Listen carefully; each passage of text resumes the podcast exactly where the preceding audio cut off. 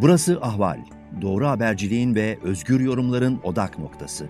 Podcast yayınımıza hoş geldiniz. Ankara'dan merhaba sevgili Ahval dinleyicileri. Ben Zülfikar Doğan. Yeni bir Ankara rüzgarında Türkiye gündemindeki gelişmeleri sizler için değerlendirmeye ve yorumlamaya çalışacağım. Bu hafta ekonomi açısından oldukça önemli e, nedenine gelince 3 Mayıs'ta Türkiye İstatistik Kurumu Nisan ayı enflasyon rakamlarını açıklayacak. 6 Mayıs Perşembe günü de Merkez Bankası Para Politikası Kurulu Ramazan ve Ramazan Bayramı nedeniyle öne alınan Mayıs ayı toplantısını gerçekleştirecek. 3 Mayıs'ta e, Türkiye İstatistik Kurumu'nun açıklayacağı enflasyon rakamları bu e, para politikası kurulu toplantısında faizlerle ilgili alınacak karar açısından önemli. Çünkü şu anda Merkez Bankası'nın politika faizi yüzde 19. En son e, geçtiğimiz ay yüzde 19 seviyesinde faiz sabit tutulmuştu. Geçen ayki toplantıda bir değişikliğe gidilmemişti. Şu anda enflasyon yüzde 16,2 düzeyinde resmi enflasyon e, geçtiğimiz ay TÜİK tarafından açıklanan Mart ayı itibariyle. Şimdi ise Nisan ayı rakamları belli olacak. Dolayısıyla Nisan ayında e, tüketici fiyatları en az yüzde bir bile artmış olsa enflasyon yıllık bazda otomatik olarak yüzde on yedinin üzerine çıkacak. Şimdi tabii Merkez Bankası Para Politikası Kurulu'nun alacağı karar bekleniyor. Hafta içerisinde hatırlayacaksınız Merkez Bankası Başkanı Şahap Kavcıoğlu bu yılın ikinci enflasyon raporunu açıklamıştı. Ve raporda e, daha önce %9,4 olan e, yıl sonu enflasyon beklentisi 2,8 puan arttırılarak %12,2'ye yükseltildi. Yani yaklaşık 3 puanlık yıl sonu enflasyon hedefi açısından bir yükseliş beklentisini gündeme getirdi Merkez Bankası. Ancak burada dikkat çeken şöyle bir nokta var.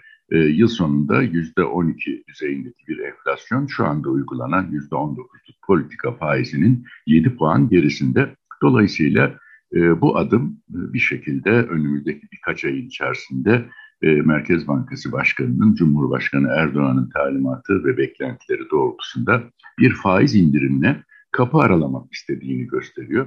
Fakat tabii şimdi 3 Mayıs'ta açıklanacak Nisan enflasyonu e, dediğim gibi bir puan daha artmış olsa %17'nin üzerinde olacak ve bu durumda politika faiziyle enflasyon arasındaki fark 2 puana inecek. E, dolayısıyla Merkez Bankası geçen ay yaptığı gibi bu ayda e, biz işte pozitif faiz verme sözümüzü tutuyoruz. Şu anda uyguladığımız politika faizi enflasyonun 2 puan üzerinde e, diyerek e, Mayıs ayında herhangi bir faiz artışını gitmeyebilir.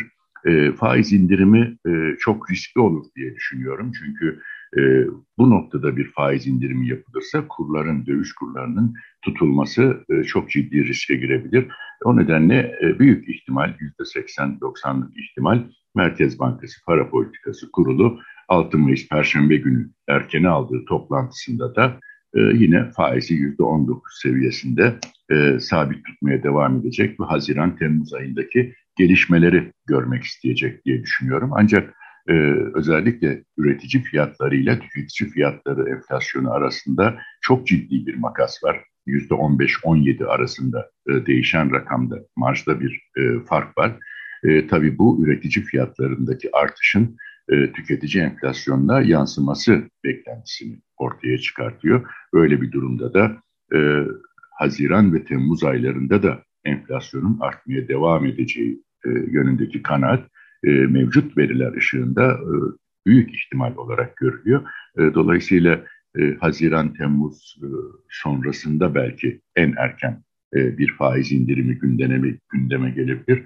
Fakat bu da e, nasıl karşılanır? Piyasalar şu anda Türkiye'deki mevcut koşulların bir faiz indirimine gitmeye olanak vermediği görüşünde e, Merkez Bankası'nın enflasyon raporunda da zaten bu tespit var. Özellikle 2,8 e, puanlık yıl sonu enflasyon beklentisindeki artışın 1,8 puanı tek başına kurlardan e, kaynaklanan etkiye dayandırıldı. Bu gerekçe gösterildi. Yani döviz kurlarındaki artışın enflasyonun yükselmesinde ciddi etken olduğu tespitine yer verildi Merkez Bankası raporunda. Dolayısıyla bir faiz indirimi durumunda kurların tekrar e, çıtayı yükselteceği söz konusu olacağına göre bu da enflasyonu daha da yukarı çekecektir. Merkez Bankası bir anlamda e, iki arada bir derede kalmış durumda diyebiliriz. Çünkü bir taraftan Cumhurbaşkanı Erdoğan'ın e, tezi biliniyor. Enflasyon sebep, faiz sebep, enflasyon sonuçtur tezi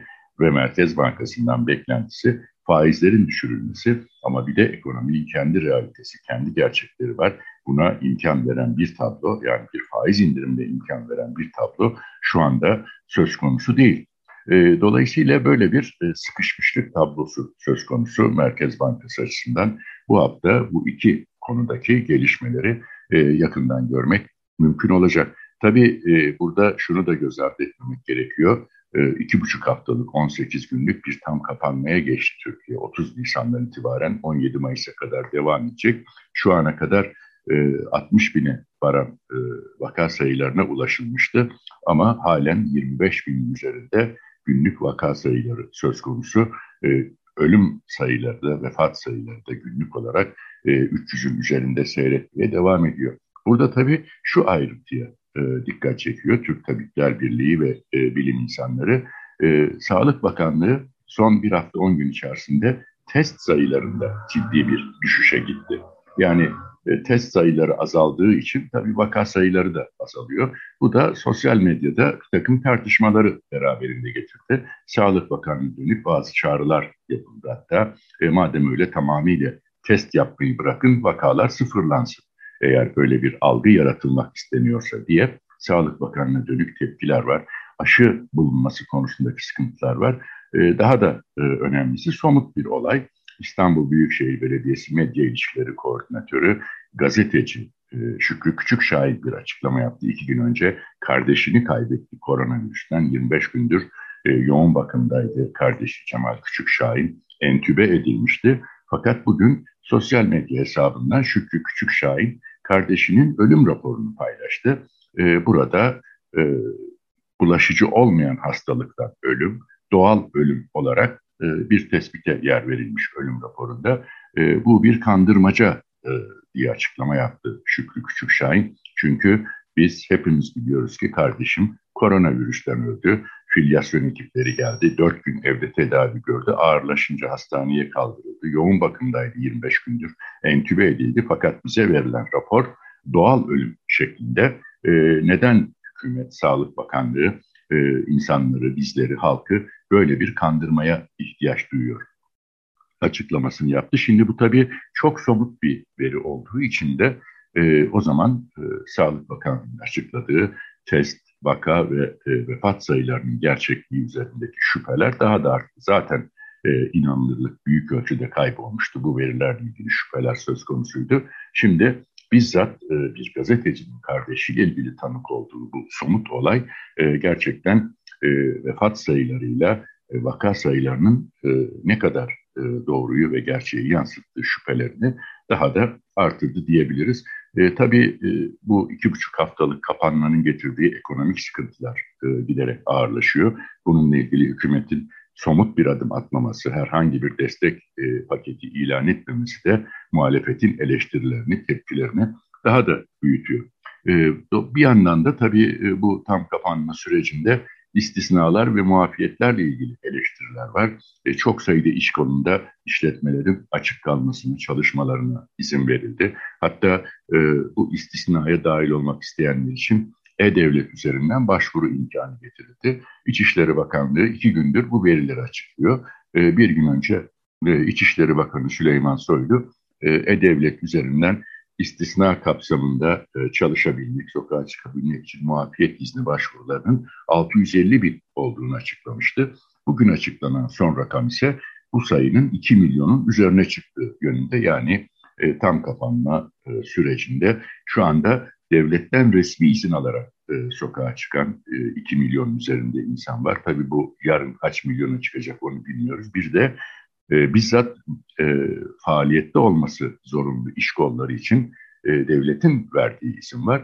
E, böyle bir tabloya baktığımız zaman da e, milyonlarca kişi e, sokaklarda, araçlarda, toplu taşıma araçlarında e, işlerine gidiyorlar, güçlerine gidiyorlar. O zaman bu tam kapanmadan da e, umulan sonucun alınması ihtimalinin zayıfladığı görüşleri ağırlık kazanıyor. Tabii bu süreç e, yoğun bir aşılama için de e, kullanılabilirdi. Fakat elde aşı olmadığı e, dile getiriliyor, öne sürülüyor. O yüzden de bu sürenin e, yaygın aşılama için kullanılamamasının da salgınla mücadelede ciddi bir e, Türkiye açısından kayıp olduğu görüşleri ön planda.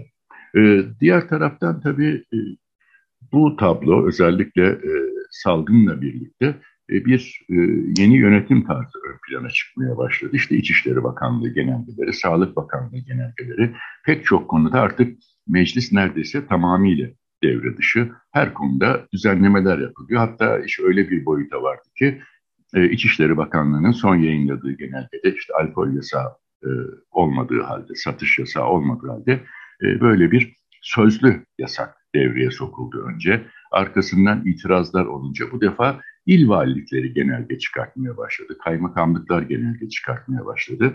Arkasından il hıfzı sağ kurulları kararıyla alkol satışları yasaklandı. Son olarak e, Antalya ve İzmir'de iki turistik bölgede bu kararlar çıktı. Hatta İzmir Valiliği'nin kararı ile ilgili de bir tartışma e, gündemde. Çünkü İzmir Valiliği İl Hıfzı Sağ Kurulu'nun bu kararı oy birliğiyle aldığını açıkladı. Yani alkol satışının yasaklanması kararını ama İzmir Büyükşehir Belediyesi'nin CHP'li başkanı Tunç Soyer da açıklama yaptı. Hayır ben e, bu karara olumlu oy vermedim. Ben de kurul üyesiyim. E, valilik e, bu konuda halkı yanıltıyor dedi. Pek çok CHP'li belediye başkanı da aynı yönde açıklamalar yaptı. Şimdi tabii bu genelgeyle e, yönetim alışkanlığı giderek yaygınlaşıyor. Her kurum kendi kafasına göre genelge çıkartmaya başladı. Son olarak da Emniyet Genel Müdürlüğü'nün bir genelgesi e, demokratik haklar, e, toplantı, gösteri, yürüyüşü, anayasal haklar açısından e, yoğun tartışmalara yol açmış durumda. Emniyet Genel Müdürlüğü tüm e, il ve ilçe emniyet müdürlüklerine gönderdiği genelgede e, toplumsal olaylara polisin yaptığı müdahaleler sırasında ses ve görüntü kaydı alınmasının e, önlenmesini, bunun yasaklandığını e, duyurdu. E, Cumhuriyet Halk Partisi Genel Başkanı Kemal Kılıçdaroğlu, Emniyet Genel Müdürlüğü genelgesinin anayasaya ve yasalara aykırı olduğunu, böyle bir genelgenin hükümsüz olduğunu, yok hükmünde olduğunu söyledi. Bu demokrasiyi ve anayasayı askıya almaktır dedi.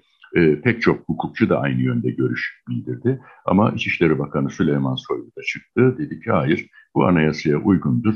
İşte cep telefonlarıyla herkes görüntü alıyor. Ve cep telefonları olmadan önce e, insanlar ne yapıyordu? Biz bunu yasaklıyoruz. Kişisel verilerin korunması buradaki amacımız. Yoksa basın özgürlüğünü kısıtlamak değil dedi. Böyle bir amacımız yok dedi. Fakat e, son birkaç gün içerisinde özellikle 1 Mayıs'ta küçük grupların çeşitli illerde yapmış oldukları 1 Mayıs anmalarına yönelik polis müdahalesinde e, bazı gazetecilerin e, cep telefonlarıyla, kameralarıyla yaptıkları kayıtlar e, polis tarafından e, Emniyet Genel Müdürlüğü'nün bu genelgesi gerekçe gösterilerek e, sildirildi. Buna ilişkin haberler e, gündeme geldi. Medyada da e, Gazeteciler Cemiyeti de yaptığı açıklamada dedi ki bu genelge tamamıyla basın özgürlüğüne aykırı bir genelgedir. E, siz polis şiddetinin görüntülenmesini yasaklamak yerine polisin müdahalelerde şiddet kullan, kullanmasını engelleyin dedi.